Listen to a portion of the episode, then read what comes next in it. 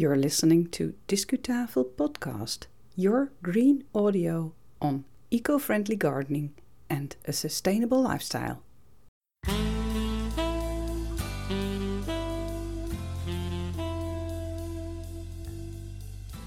Hello there, welcome to episode 129 of Discutafel Podcast.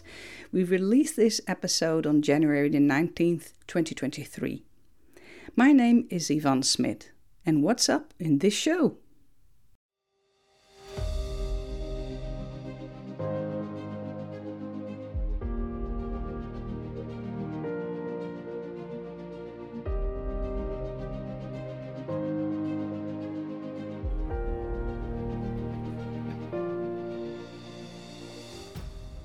This episode is one part of a rather extensive series of shows around Milner Gardens and Woodland in Canada. I visited the place in August 22. You can listen to each single episode separately, or one of them, or all of them, in the sequence of your own choice. In case you need an explanation on a name mentioned or so, please go to other episodes in the series or contact us at Discutafel. Milner Gardens and Woodland is an estate on the east coast of Vancouver Island, along the Strait of Georgia, and near the charming town of Qualicum Beach. It's 28 hectares in size, which is the equivalent of 70 acres. Most of the site is woodland. There's also a garden and the family house, of course, and it's open to the public, so we went there.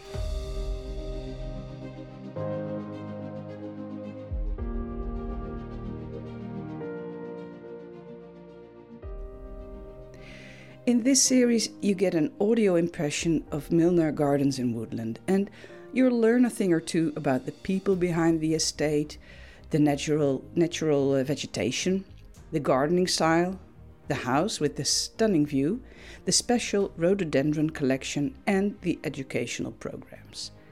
And during making this series, I learned a lot too. The estate is a multifunctional place. It has links to British aristocracy, once innovative garden styles, and modern ways to protect hybrids and nature.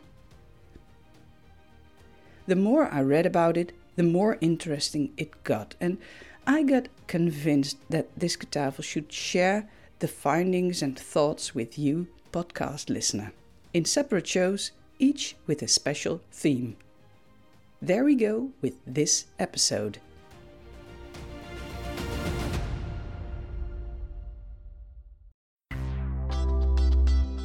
Discu knowledge.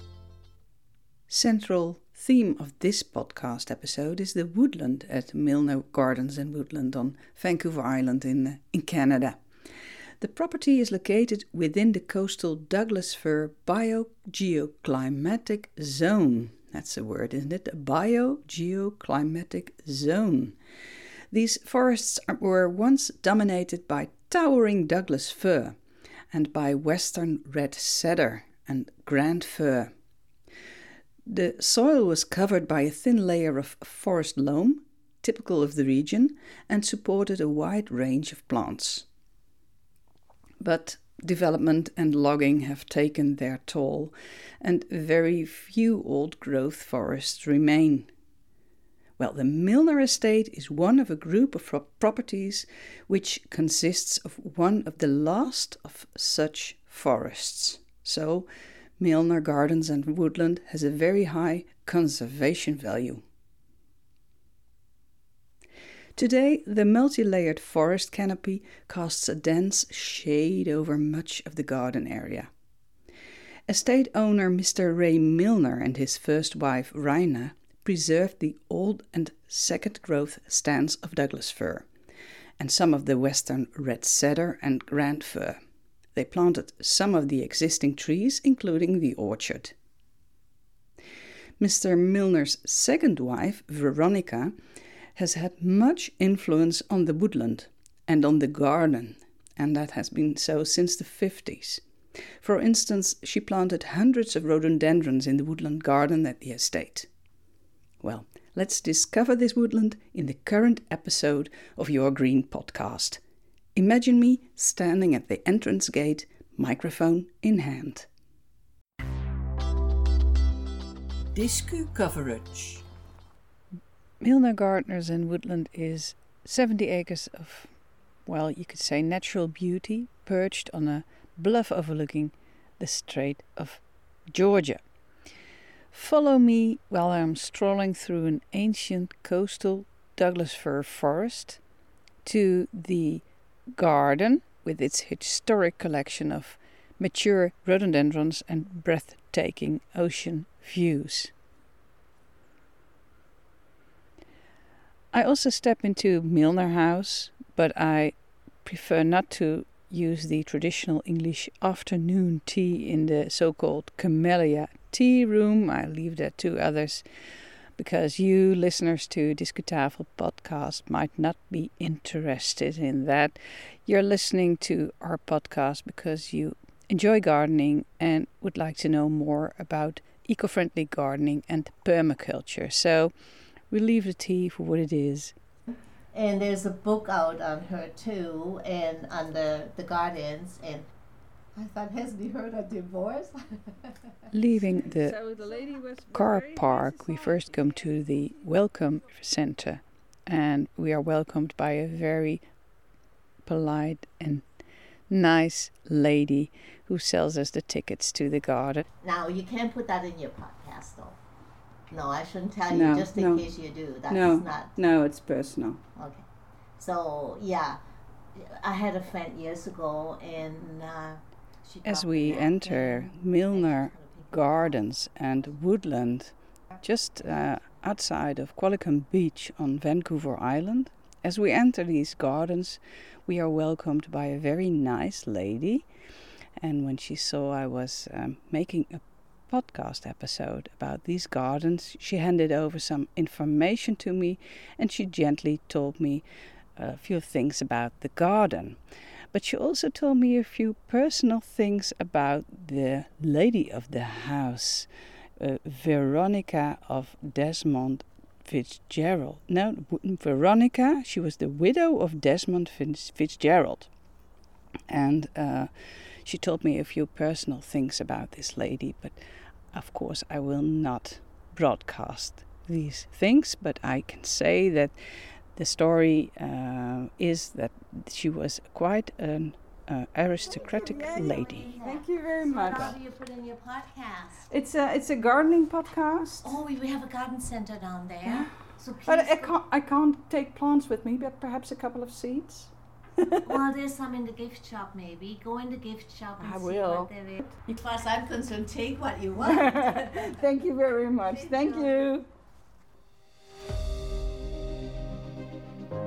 You just heard us talking about the lady of the house here, Veronica Milner. Since our visit, visit to the estate in August 22, I've been reading articles on her gardening, gardening style. Um, Veronica Milner built a garden here in the style of Victorian garden writer Mr. William Robinson, and perhaps it's good to share some knowledge about this gentleman before we take you into the woodlands area Veronica is famous for. William Robinson was born in 1838. He was an Irish gardener and journalist, and Mrs. Milner herself was British, but she lived in Ireland during her first marriage. Robinson is known for his influential ideas in gardening and landscaping, including woodland gardens and natural looking planting.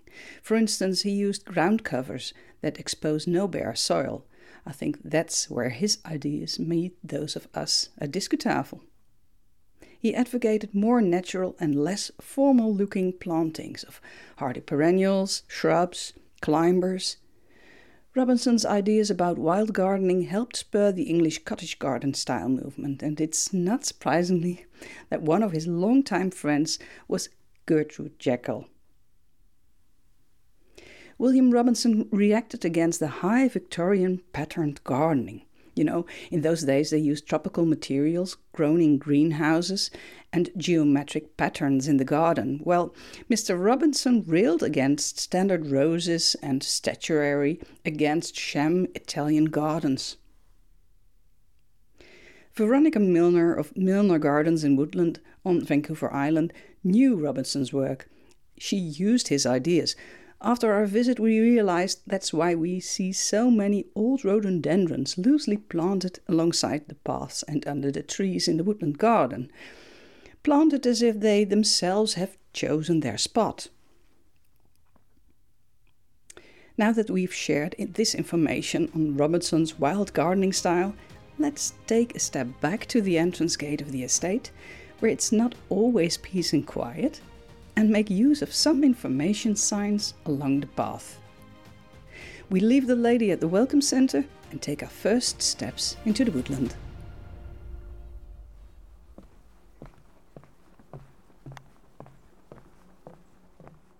After this uh, welcome chat, we enter the woodlands around the garden.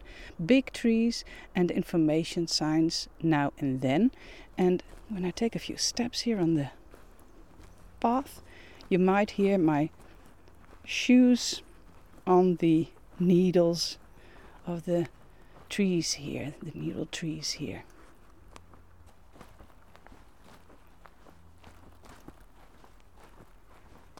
In the background, you might hear the noise of a small aeroplane. We're near Salish Bay here and a couple of islands, and I suppose lots of transport goes by those planes. Although it rains a lot here on Vancouver Island, many of the native plant species here do not need much water. Salal and Oregon grape prefer to grow in dry areas. The Latin name of salal is Gaultheria shallon.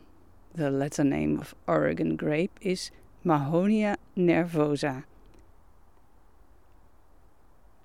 Douglas fir trees also prefer dry soils. The Latin name of Douglas fir tree is Pseudotsuga menziesii. These plants are a clue that the soil in the location is sandy, allowing rainwater to drain quickly.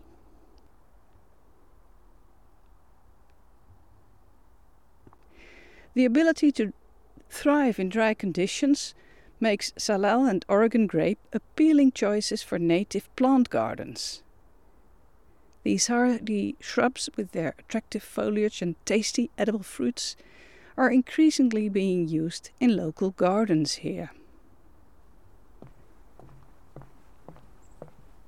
The forest trail leads us across boardwalks to protect the forest floor and over paths which are covered with uh, wood chips. And now and then we see an information sign about life and death in the forest or about a specific bird like the varied thrush. Not too much information, just enough to keep you interested. And now there's a sign. Go to the left to the garden entrance.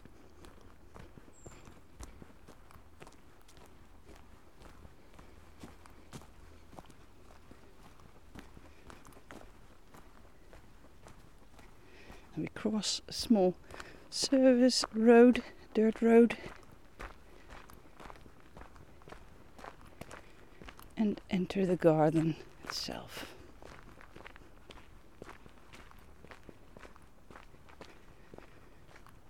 At first, not much difference between the woodlands and the garden.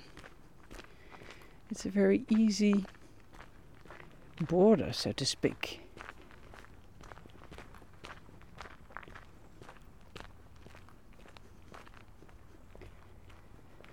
shrubs on the left and right hand side, and a bit further away from the path, I see trees, rather young trees.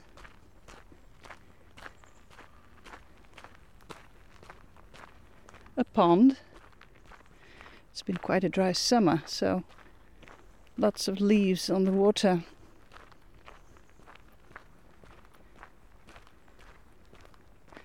Also planted ferns here, nicely in groups.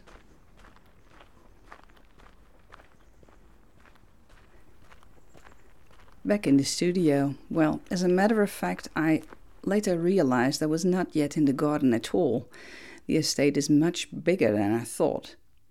I think the woodland is important in terms of protection and of education, since the information signs alongside the path are really helpful to appreciate and understand the ecosystem. And the old rhododendrons Mrs. Milner planted are a horticultural treasure, of course. We discover more of Milner Gardens in Woodland in other episodes of Discutafel podcast. Discu finish. Getting interested to, to know more about my adventures in uh, Canada with gardens, I suggest go to our episode list, our podcast episode list, and you'll find it on your uh, playlist on the streaming service you're using or on your podcast app. Depending on the date you hear this show, you will find one or more episodes on Canada. We also publish blogs on the subject on our website discutafel.nl. Thanks for listening to Discutafel podcast. We publish new green audio for you at least every four weeks, in Dutch or in English. The release date of the next English episode will be soon, but is not yet known. Just stay tuned. And in the meantime, let's go outside. And until next time.